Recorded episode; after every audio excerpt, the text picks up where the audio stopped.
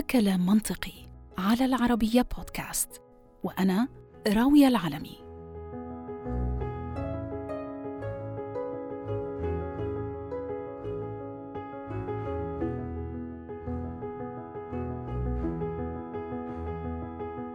العولمة كفكرة إلها وقع مؤثر على الأذن وصدى في النفس وأوجه تبدو في البداية مشرقة. فوين المشكلة إنه نتعاون جميعاً كبشر بنقطن كوكب واحد؟ نتعاون على مواجهة تحديات الحياة. وشوط ضير في إلغاء الحدود الجغرافية ولو حتى مجازاً لحتى نعلن إنه الجنس البشري هو فريق واحد بجدف باتجاه واحد. طب أليس من المنطقي بالفعل إنه تركز كل دولة في مواطن القوة اللي بتملكها ونتبادل المنفعة لحتى نرفع من قيمة حياة الإنسان على هذا الكوكب؟ قبل ما أخوض في موضوعي لليوم اسمحوا لي أعزائي أنه أشارككم تعريف العولمة العولمة هو مصطلح يهدف لجعل العالم قرية إلكترونية صغيرة تترابط أجزائها عن طريق الأقمار الصناعية والاتصالات الفضائية يقال أنه علماء التاريخ بيرجعوا أصلها لنهاية القرن السادس عشر الميلادي بحيث ظهرت مع بداية الاستعمار الغربي لآسيا والأمريكتين. وبعدين ارتبطت العولمة بتطور النظام التجاري الحديث في أوروبا.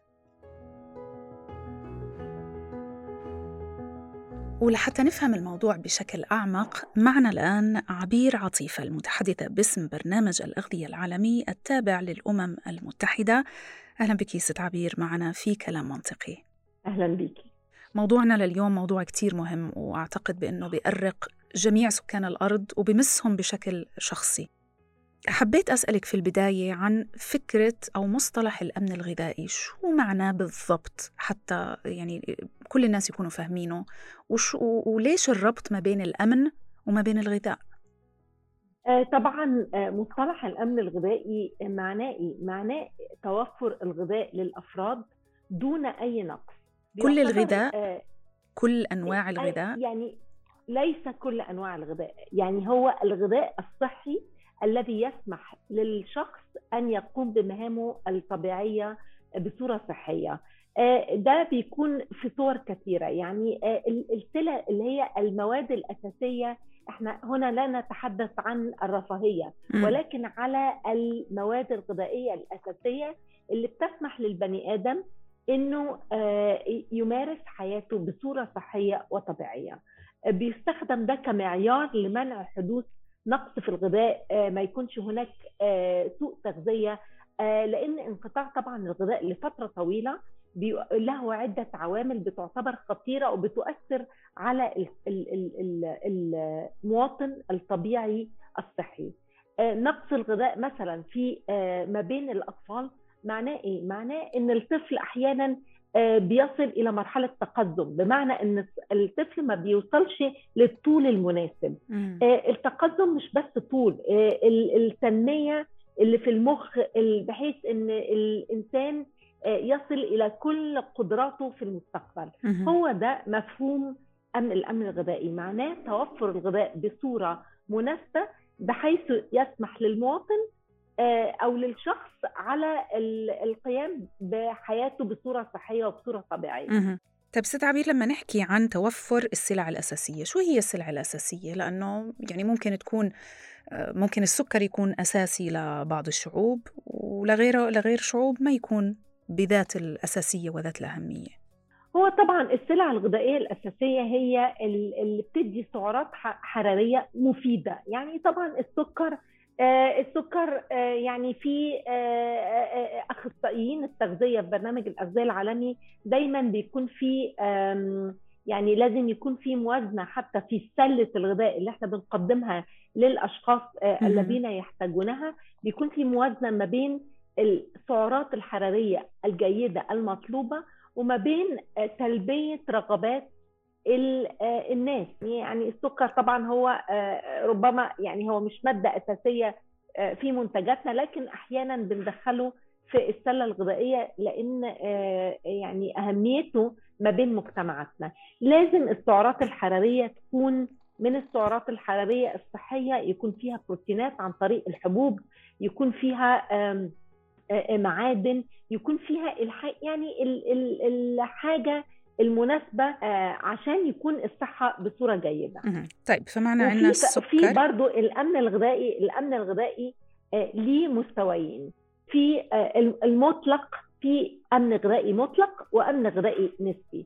المطلق معناه إن الدولة الواحدة بتقوم بإنتاج الغذاء في داخل هذه الدولة بمستوى يتناسب مع الطلب المحلي ومعدلاته. واحيانا ممكن يفوقها. النسبي بيكون هو ال يعني الاحتياج الشخص أو أو يعني قدرة الدولة على إنتاج وإيجاد ما يحتاجه الشعب أو الأفراد من سلع وغذاء بشكل جزئي أو أو كلي. آه وبالتالي يعني هو الأمن الغذائي ليه مفهوم على مستوى الأفراد وعلى ومفهوم على مستوى الدول. بعتقد إنه الأمن الغذائي المطلق اللي على مستوى الدول بحيث يكون في اكتفاء ذاتي بالنسبة للغذاء في كل دولة أعتقد شيء صعب المنال يعني في زمن العولمة اللي إحنا عايشين فيه. طيب. أنا في نقطة م. بس برضو عايزة أزودها. هناك أبعاد للأمن الغذائي.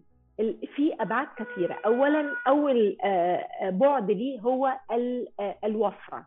ال availability إن يكون الغذاء موجود ومتوفر بكميات تكفي لعدد أفراد الأسرة ويكون الدول عندها مخزون استراتيجي. في بعد آخر وهو إن الغذاء يكون آمن يعني food safety يكون في ضمان للغذاء وسلامته وصلاحياته للاستهلاك البشري.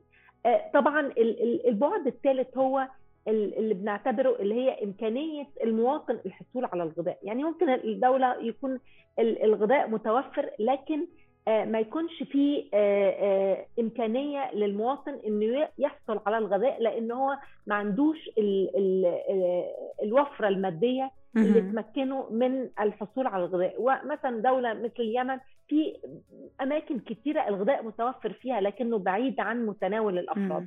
آخر بعد في مفهوم الأمن الغذائي هو الاستقرار. بمعنى إن إن يكون في ضرورة حفاظ على أوضاع الغذاء وتكون الموضوع مستقر متوفر باستقرار. يعني ما يكونش في فترات متوفر فيها وفترات غير يعني متوفر. وبالتالي هو الموضوع الأمن الغذائي ده طبعا موضوع معقد وبيكون فيه عوامل كثيرة اللي بتحدده. ويمكن الربط ما بين الأمن مصطلح الأمن والغذاء هو يعني الأمن هون يرمز لهذا الاستقرار اللي انت تحدثتي عنه أم إنه الغذاء يستخدم كسلاح في بعض الأحيان زي ما عم نشوف هلأ سلاح في الحروب. بالفعل هو يعني الغذاء بيعتبر سلاح تم استخدامه على مدار عقود ويعني ربما مئات السنوات والغذاء بيستخدم كسلاح في الحروب. يعني سلاح التجويع ده مشهور حتى منذ الحرب الحرب العالمية الثانية. لكن حتى في الحروب الحديثة بنشهد طبعا عملية التجويع واستخدامها حتى في حرب روسيا وأوكرانيا. يعني هناك في بعض المناطق بيتم تجويعها. في كل صراعات العصر الحديث الغذاء مهم جدا في كسلاح تجويع من كل الأطراف المتصارعة والمتناحرة. طبعا ده ضد القانون الدولي وضد حقوق الإنسان لأن حق الغذاء مكفول لكل شخص. وطبعا دي حاجة من الحاجات اللي إحنا بننادي بيها كمنظمات أممية ومنظمات إنسانية. وحتى كان هناك قرارات من مجلس الأمن اللي جرمت في عملية استخدام سلاح التجويع ضد المدنيين. طيب ست عبير اسمحي لي أكمل شرح لمتابعينا الأعزاء عن المشكلة اللي إحنا بنواجهها الآن ومنتابع الحديث. الباحثون بيشوفوا أنه العولمة بتقوم على أربعة أعمدة أساسية وهي بتتنوع ما بين المنافسة بين القوى الكبرى انتشار عولمة الإنتاج وتبادل السلع والابتكار والإبداع التكنولوجي وأخيراً التحديث المستمر. اللي بيهمنا هون هو العولمة الاقتصادية. العولمة الاقتصادية بحسب صندوق النقد الدولي تعرف بأنها التعاون الاقتصادي لجميع دول العالم واللي بيؤدي لزيادة حجم التعامل بالسلع والخدمات المتنوعة عبر الحدود. بالإضافة أيضا إلى رؤوس الأموال الدولية والانتشار المتسارع للتقنية في جميع أنحاء العالم. طيب أعزائي إذا هذا هو معنى مصطلح الأمن الغذائي. وعرفنا كمان مصطلح العولمة. هذا المصطلح اللي يعتبر سيف ذو حدين. نجني ثماره وثمار هذا التعاون كلنا معا في هذا العالم ولكن في ذات الوقت ندفع ثمنه أيضا جميعنا في هذا العالم. فما أن حدث أول تحدي حقيقي لهذا المبدأ حتى ثبتت هشاشة هذه الفكرة من الأساس. هون طبعا أنا عم بحكي عن جائحة كورونا. قوانين الإغلاقات اللي طبقت في كل دول العالم أثرت على الإنتاج كبداية ومن ثم طبعا لحقها تكسر سلاسل الإمداد وهي الشريان التاجي اللي بغذي قلب العولمة. وظهرت أيضا سريعا نتائجه عبر نقص شديد للكثير من السلع المختلفة في كثير من الدول. هذا النقص تباين تبعا لكل دولة طبعا. فمين منا ما شاف موجات السخرية عبر فيديوهات التواصل الاجتماعي اللي تناولت النقص الشديد في معلش اعذروني على المثال في مناديل الحمام مثلا في الولايات المتحدة أو حتى الهستيريا اللي انتشرت نتيجة لعدم توفر الكمامات أو الهستيريا اللي انتشرت أو الهستيريا اللي انتشرت نتيجة لعدم توفر الكمامات للناس أو حتى للأطقم الطبية اللي كانت بتصارع الفيروس يوميا في كل مكان للأسف الموضوع ما توقف عند هذا النوع من السلع لكنه تفاقم لحتى يهدد العالم أجمع فيما يعرف من قبل منظمة الأمم المتحدة بأحد حقوق الإنسان الأساسية وهي الغذاء. في تقرير حديث جدا لبنك الطعام الدولي صدر في شهر مايو لعام 2022 أشار إلى أن الكثير من الدول حول العالم بتواجه خطر المجاعة بحيث أن الأحداث الأخيرة الطبيعية طبعا وتلك التي أيضا من صنع البشر باتت بتخاطر بسنين من التقدم على هذا الصعيد. فهناك مؤشرات ظهرت حتى قبل الجائحة مثل انخفاض متوسط الدخل عامة واضطرابات في سلاسل التوريد. هذا أنذر بموجة حادة من الجوع ممكن تضرب العالم. طبعا أضيف لكل ما سبق النزاعات الجيوسياسية والاقتصادية والأخطار الطبيعية أيضا وتغير المناخ وكثرة استخدام المبيدات. الحرب الأوكرانية الروسية طبعا زادت الطين بلة بحيث ارتفعت أسعار الغذاء لمستويات غير مسبوقة وفيما يبدو أنه هاي الارتفاعات وتداعياتها رح تستمر لهذا العام وحتى يقدر بعض الخبراء أنه آثارها ممكن تمتد لنهاية عام 2024 على سبيل المثال حتى شهر مايو 2022 مؤشر الأسعار الزراعي العالمي ارتفع بنسبة 42% مقارنة بشهر يناير من عام 2021 الذرة مثلا ارتفعت ب 55% والقمح ب 91% يعني تقريبا تضاعف مقارنة بشهر يناير من العام الماضي. والدول عامة شهدت نسبة تضخم عالمي فوق الخمسة بالمية وبعضها حتى وصل لنسب تتجاوز العشرة في المية الآن أحد أنواع التضخم هو تضخم أسعار الغذاء على مستوى محلات البيع بالتجزئة. أهم مسبباته هو نقص الأيدي العاملة وكمان ارتفاع أسعار الأسمدة وأيضا تعويم أسعار العملات المحلية. وللأسف أنه هذا النوع من التضخم بيضرب الدول ذات متوسطات الدخل الضعيفة والمتوسطة أكثر بكتير من غيرهم بحيث بيمثل الصرف على الغذاء حصة أكبر من مجموع دخلهم. لحتى أقرب الصورة أكثر تخيلوا مثلا في الولايات المتحدة بتمثل نسبة الإنفاق على الغذاء ما متوسطه 10% فقط من كامل الدخل للفرد بينما هاي النسبة توصل وبتتجاوز ال 50% من دخل الفرد في الدول الفقيرة مثلا. على فكرة أسعار السلع الغذائية كانت أصلا في ارتفاع قبل الحرب الروسية الأوكرانية ولكن بعدها طبعا ارتفعت أكثر فأكثر. والسلع الأساسية كانت صاحبة الارتفاع الأكبر للأسف. سلع مثل الذرة والقمح والزيوت والأسمدة زي ما ذكرت سابقاً. وسوق السلع الأساسية العالمي بيواجه مخاطر ارتفاع الأسعار وهي بتتمثل في عدة تحديات. أبرز هاي التحديات مثلا نقص في توريد الحبوب وارتفاع في أسعار الوقود العالمية.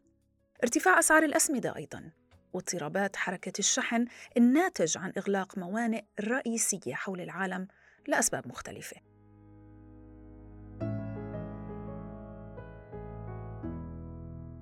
ست عبير هل يمكن القول بالفعل بأنه ما نشهده اليوم هو الوجه الآخر من عملة العولمة؟ يعني العولمة هي آه، جعل العالم كله قرية صغيرة تعتمد على بعضها البعض بحيث أنه آه، كلنا نجني ثمار هذا التعاون ولكن في المقابل كلنا بندفع ثمن فشل التعاون هل نحن الآن في هذه المرحلة دفع الثمن؟ يعني بالفعل هي العولمة طبعا معناها إيه؟ إن هناك تشابك كبير ما بين ما يحدث في العالم وما يحدث في مجتمعاتنا. آه، إذا نظرت إلى الحرب الروسية والاوكرانيه يعني نحن معتمدين بصورة آه، كبيرة على آه، أوكرانيا في وروسيا في استيراد المواد الغذائية الأسمدة الوقود. وبالتالي يعني في عملية تشابك ليس فقط في المنطقة العربية لا العالم كله متأثر. آه، لاننا يعني أصبحنا مجتمعات متشابكة اقتصاديا ولا يستطيع مجتمع واحد أن يحقق الاكتفاء الذاتي في كل شيء. يجب يعني دائما هيكون في اعتماد على آه، استيراد آه، بعض المنتجات من دولة ما أو أخرى. وطبعا أظهرت أزمة آه، روسيا وأوكرانيا آه، إلى هشاشة يعني وضع العولمة وقد إيه إن بيكون في تأثر كبير آه، على بعد مئات الآلاف من الأميال حتى إذا كانت هذه الدول يعني هناك انغلاق ليس يعني في هذا الوقت من العالم ليس هناك فرصة لأي دولة أن تغلق نفسها تماما.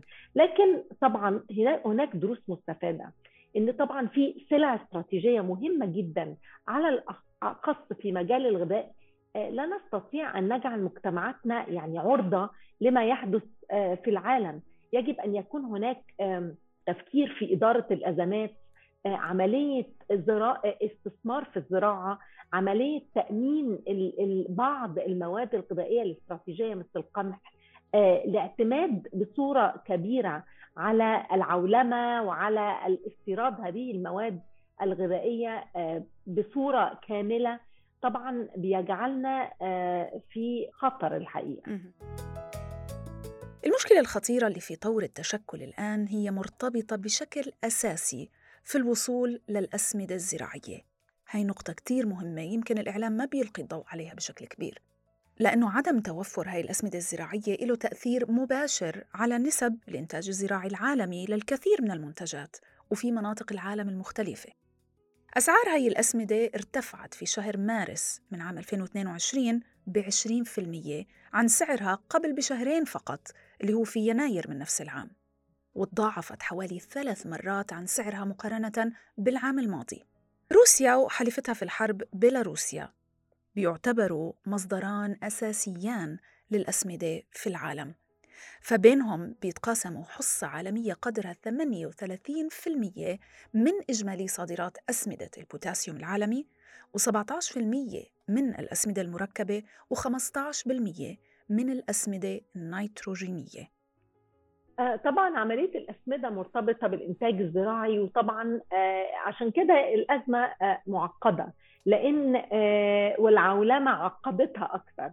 لأن كثير من الدول في أفريقيا دول المنطقة الدول الزراعية بتستورد وبتعتمد يعني بصورة أساسية على استيراد الأسمدة من روسيا. مع عدم توفر هذا وتوفر بديل لها ده معناه إننا سنشهد انخفاض ملحوظ في الإنتاج الزراعي آه، من الكثير من السلع. آه، وطبعا عدم توفر ده محليا آه، يعني آه، سيجعل هناك آه، شح في تواجد هذه المواد الزراعية وارتفاع الأسعار. وبالتالي يعني نحن هي ليست فقط أزمة القمح والزيوت النباتية ولكن أيضا أزمة الأسمدة. كما ذكرت العالم كله متأثر. يعني إحنا النهارده بنشهد دولة مثل ألمانيا عندما تذهبي إلى المتاجر لن يسمح لك إلا بشراء يعني قنينة واحدة من الزيت أو يعني كيس واحد من المعكرونة وبرضه كميات مقننة من. من الدقيق نعم. ويعني نحن لم نصل في المنطقة العربية إلى الآن إلى هذه المرحلة لكن يعني كون إن دولة مثل ألمانيا وهي دولة منتجة ويعني دولة بتعتمد على الزراعة كنشاط اقتصادي. وصلت إلى هذه المرحلة هذا ينذر بخطورة الوضع الذي نحن مقبلين عليه في كل أنحاء العالم. في شهر أبريل من هذا العام وفي تصريح مشترك لرؤساء كل من البنك الدولي وصندوق النقد الدولي والأمم المتحدة ومنظمة الأغذية العالمية ومنظمة التجارة العالمية. جميعهم ناشدوا المجتمع الدولي لاتخاذ خطوات سريعة وفعالة لحل مشكلة الأمن الغذائي العالمي وطالبوا بالإبقاء على فتح خطوط التجارة العالمية ومساعدة الدول الفقيرة لتأمين حاجات مواطنيها الأساسية. خير مثال على التأثير المباشر لهي الأزمة تمثل بمسح سريع قام فيه البنك الدولي فوجد أنه تخيلوا أعزائي 83 دولة بتعاني من حرمان مواطنيها من السلع الأساسية طبعا لعدم القدرة على سداد تكلفتها.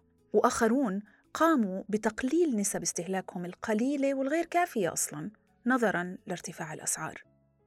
طبعا هذا بينذر بسوء تغذية للأطفال خصوصا وهو ما يمثل مشاكل صحية مستقبلية بتهدد أجيال قادمة في هاي الدول. وطبعا يضيف لقائمة التحديات الطويلة لديها أصلاً. خلينا الآن نتحدث عن الأزمة نفسها.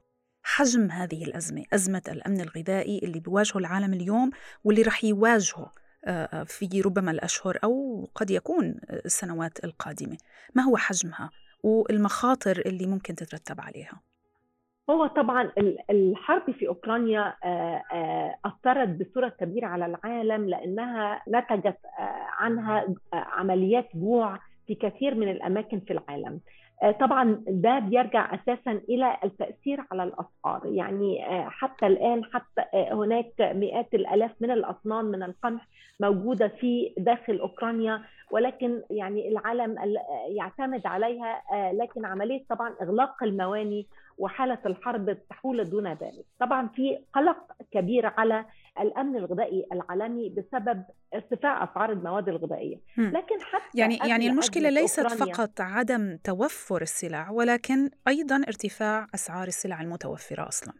هو الحقيقي حتى قبل أزمة الحرب الروسية الأوكرانية كان هناك اتجاه إلى ارتفاع أسعار المواد الغذائية. يعني شهر فبراير الماضي شهدنا معدلات قياسية ضربت حتى الذروة في ارتفاع الأسعار في أزمة الغذاء العالمي العالمية التي ضربت العالم في 2008 و2011 بعدها بنهاية شهر فبراير كانت بداية الحرب الروسية والأوكرانية في شهر مارس ارتفعت الأسعار بنسبة 12% ومنذ ذلك طبعا هناك تفاوت وعملية تضخم في أسعار مواد الغذاء.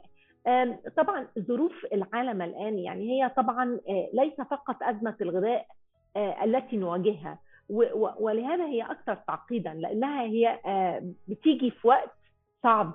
اولا العالم لم يتعافى من الأثار الاقتصادية لجائحة كورونا. كثير من اقتصاد الدول هش جدا وفي حالة يعني محتاج وقت كبير للتعافي. بالإضافة إلى ذلك هناك تغيرات مناخية ضربت كثير من المناطق في العالم. يعني في موجة حر ضربت الهند وأثرت على محصول القمح. في سوريا في شمال شرق المناطق التي تزرع القمح كان في هناك حالة جفاف أثرت على محصول القمح حتى الدول التي تعاني من الصراع وتحاول تخرج من هذه الدائرة ما زالت في أزمة التغيرات المناخية الصراعات وهو شيء إحنا لنا يد فيه يعني في ساهمنا في طبعاً. تفاقم الاحتباس الحراري والكوارث الطبيعية والتغير المناخي بأيدينا يعني. بالضبط. مع ارتفاع أسعار المواد الغذائية مع حرب أوكرانيا كل هذه العوامل يعني بتدفع العالم لأزمة غير مسبوقة. برضو دائما بيكون في ارتباط أيضا ما بين ارتفاع أسعار الوقود وأسعار الغذاء. يعني أزمة الغذاء في 2008 كانت مرتبطة ليس بنقص الغذاء ولكن بارتفاع أسعار الوقود. وبالتالي تدخلت الدول المنتجة للبترول وقامت برفع يعني جزء من الأزمة. الآن الكل متأثر.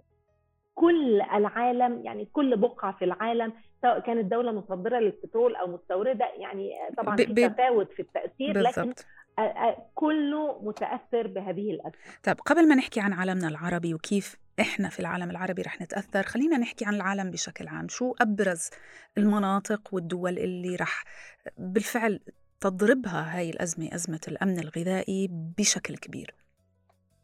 هو طبعا منذ فترة آه، يعني بضعة أسابيع صدر تقرير عالمي حول أزمة الغذاء وكشف النقابة عن استمرار ارتفاع عدد الأشخاص الذين يعانون ويواجهون انعدام الأمن الغذائي الحاد وبيحتاجوا إلى مساعدات عاجلة. طبعا العدد ده آه، أظهرنا أظهر لنا أن إحنا بنتحدث عن 193 مليون شخص في 53 دولة في العالم في مناطق معينة انعدام الأمن الغذائي وصل فيها إلى معدلات غير مسبوقة عن أي دول أو آه، مناطق نتحدث استعبير. نحن هنا نتحدث طبعا عن آه، ما هي البلدان المتضررة من هذه الأزمة كثير من الدول في منطقة الشرق الأوسط وشمال أفريقيا كثير من الدول في أفريقيا وعلى الأخص الدول التي بتتعرض أيضا لهزات كبيرة في أزمة المناخ. دولة مثل مدغشقر هي أول الدول التي تعاني من مجاعة بسبب التغيرات المناخية.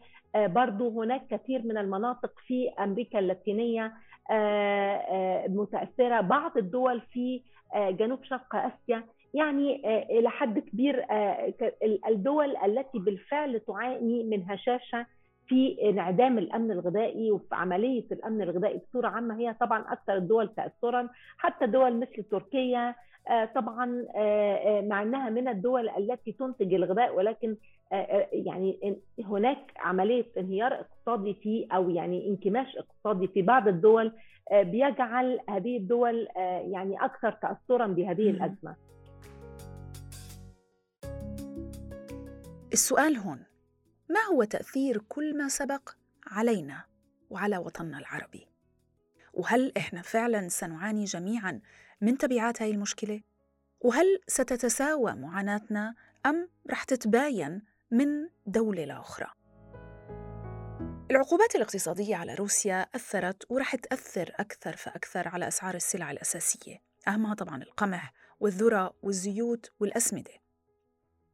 كمان الاضطرابات في البحر الأسود اللي بتسيطر عليه روسيا عسكريا حاليا واللي بيمثل البوابة الرئيسية لصادرات أوكرانيا رح يكون لها تأثير واضح على توفر وأسعار هاي السلعة. بس عشان أحطكم بالصورة 80% من صادرات أوكرانيا مرت من هذا البحر الأسود في عام 2021 فيمكن تتخيلوا حجم الصورة هون. في تقرير لعام 2021 للشرق الأدنى وشمال إفريقيا متعلق بالأمن الغذائي ومستويات التغذية نشرته منظمة الغذاء والزراعة التابعة للأمم المتحدة تضمن أنه 69 مليون عربي لم يتمكنوا من الحصول على كميات كافية من الغذاء في عام 2020 وأنه هناك 50 مليون عربي عانوا من سوء التغذية يعني حوالي 11% من عدد سكان الوطن العربي. أحمد مختار الاقتصادي في منظمة الفاو حذر في تصريح له إنه هاي الأرقام مخيفة للغاية وقال إنه بعض أسباب هاي الأزمة معروف مثل التغير المناخي والصراعات السياسية والعسكرية الطويلة لكن لا يمكننا التغاضي عن فكرة أنه منطقتنا العربية بتعتمد وبشكل كامل على استيراد الغذاء. تقريبا ثلثي الطعام المستهلك في منطقتنا يأتي عن طريق الاستيراد. تخيلوا ثلثي. طبعا هذا بيجعلنا عرضة لأي هزة في سلاسل التوريد. وهدف الأمم المتحدة في الوصول لمرحلة الأمن الغذائي العالمي بحلول عام 2030 أصبح بالفعل حلم بعيد المنال بحسب تقرير الفاو الصادر في نوفمبر من عام 2021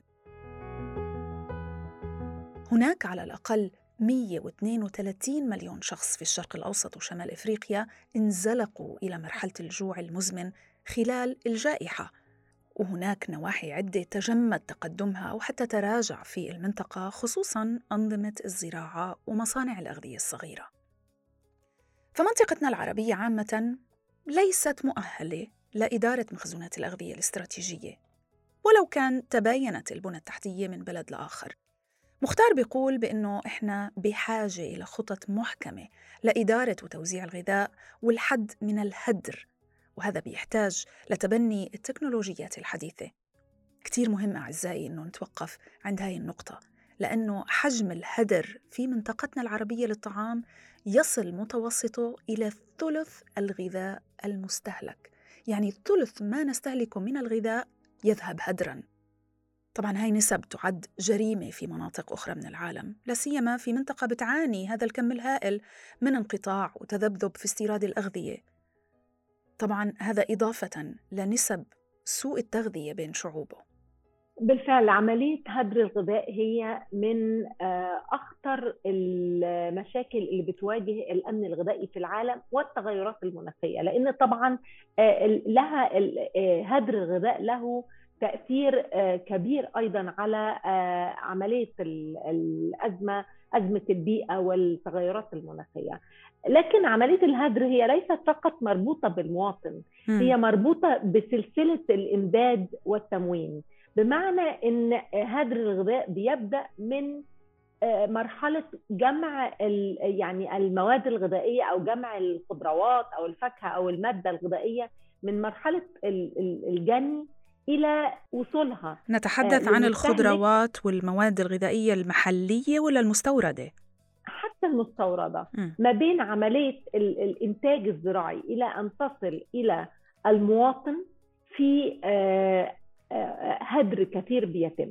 اولا ليه؟ لأن آه، عمليات التخزين عمليات النقل وصول المواد الغذائية إلى المتاجر آه، بعد هذا شراء المواطن آه، والتكالب في أوقات كثيرة على شراء المواد الغذائية وتخزينها في البيوت ثم تلفها. كل هذه السلسلة معناها إن آه، طبعا بيتم هدر كمية كبيرة من الغذاء وللأسف هي طبعا مربوطة بمنطقتنا أكثر من أي منطقة أخرى في العالم. اولا لأن ليس في كثير من المناطق التي بها زراعة ليس هناك تقنيات للحفاظ على المواد الغذائية يعني بصورة تقلل الفاقد. بالإضافة أيضا أعتقد إلى ثقافتنا في عملية نحن شعوب كرم ويعني بنتعامل مع الضيوف على بصورة أعتقد يجب أن مفهومها يتغير لأن الوضع في العالم لم م. يكن أو لم يعد كما كان في الماضي زمان كنا كانت الرقعة الزراعية في في العالم العربي أكبر بكثير لم يكن عندنا مشاكل في ندرة المياه م. الظروف كانت مختلفة ما كانش عندنا العدد هذا العدد والكم الهائل من السكان نعم. الظروف الآن اختلفت بس عشان نوضح الصورة بشكل أكبر بيستورد العالم العربي ما متوسطه 60% من احتياجاته من الحبوب من روسيا ومن أوكرانيا إضافة أيضا إلى نسب قليلة من فرنسا ورومانيا. لكن روسيا وأوكرانيا وأسعارهم المنخفضة تجعلهم المورد الأكبر بمراحل. أوكرانيا هي رابع أكبر مصدر للقمح والذرة الصفراء عالمياً.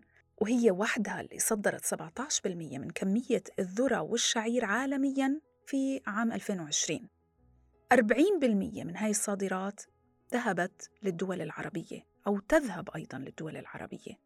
بينما روسيا تعتبر هي المصدر الرئيسي لأكبر دول المنطقة سكاناً وهي مصر. الخطورة مش حكر على مصر فهناك أيضاً اليمن.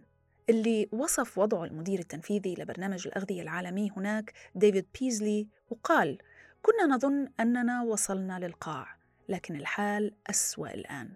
فنحن نحصل على نصف طلباتنا من الحبوب من روسيا وأوكرانيا. أما لبنان اللي ما زال يعاني من كافة أنواع المشاكل المختلفة ظهرت له الآن هاي الأزمة حتى يضيفها لقائمة تحدياته الطويلة. فعلى لسان أحمد حطيت ممثل مستوردي القمح في لبنان صرح لوكالة الأنباء الفرنسية وقال لدينا خمس بواخر في البحر حاليا محملة بالقمح وجميعها من أوكرانيا وكل مخزوننا الحالي بالإضافة لهاي البواخر الخمس يكفي فقط لشهر ونصف. وأضاف أيضا أنه 80% من الاستيراد السنوي للبنان يأتي من أوكرانيا. وإذا توقف هذا الاستيراد لكم أن تتخيلوا الصورة.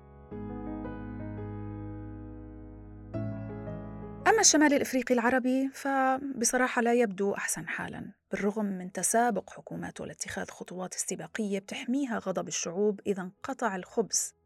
المغرب مثلا زاد الدعم للطحين وعلق الرسوم الجمركية على واردات القمح.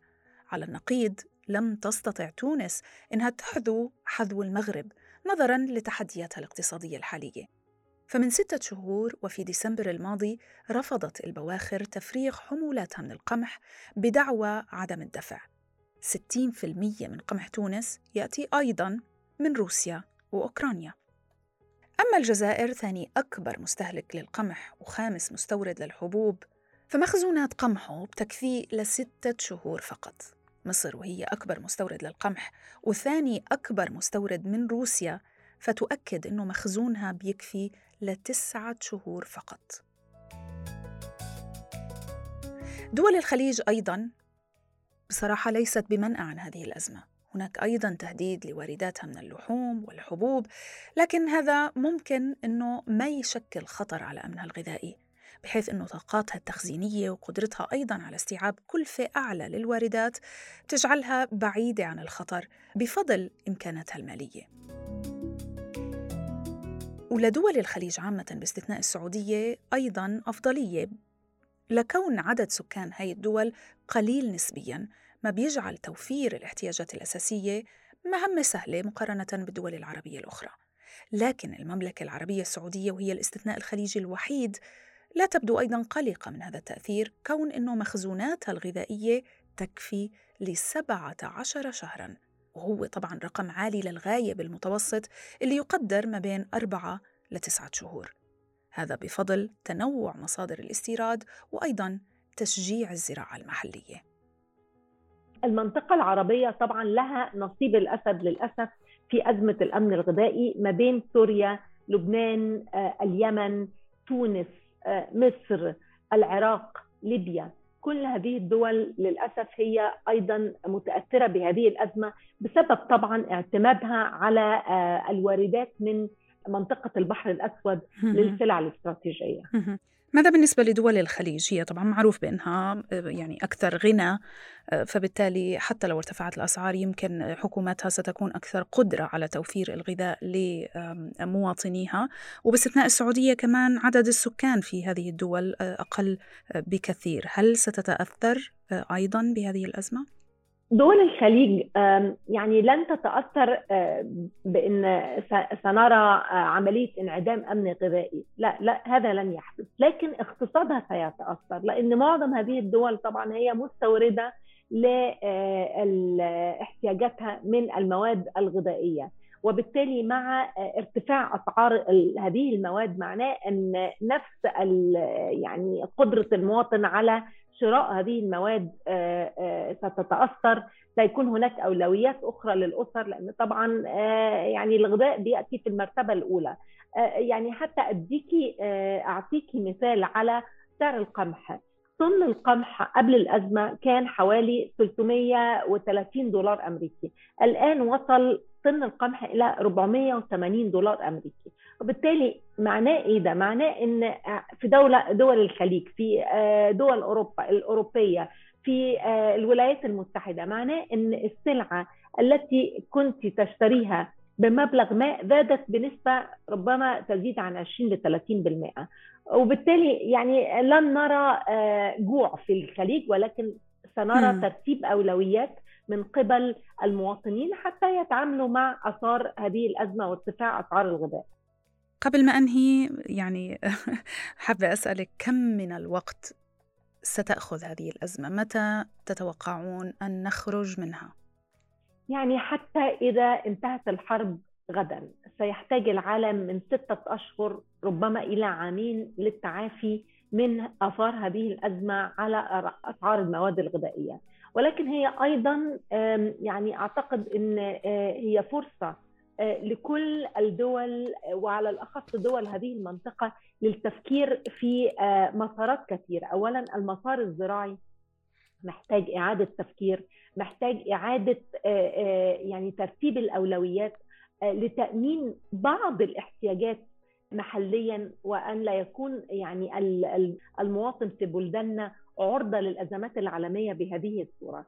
آه، طبعا آه، ترتيب الأولويات في عملية آه، شبكات الأمان الاجتماعي وعمليه دعم الغذاء في الفترات الصعبة التي تشهدها بلداننا في هذه في هذه الأوقات الصعبة.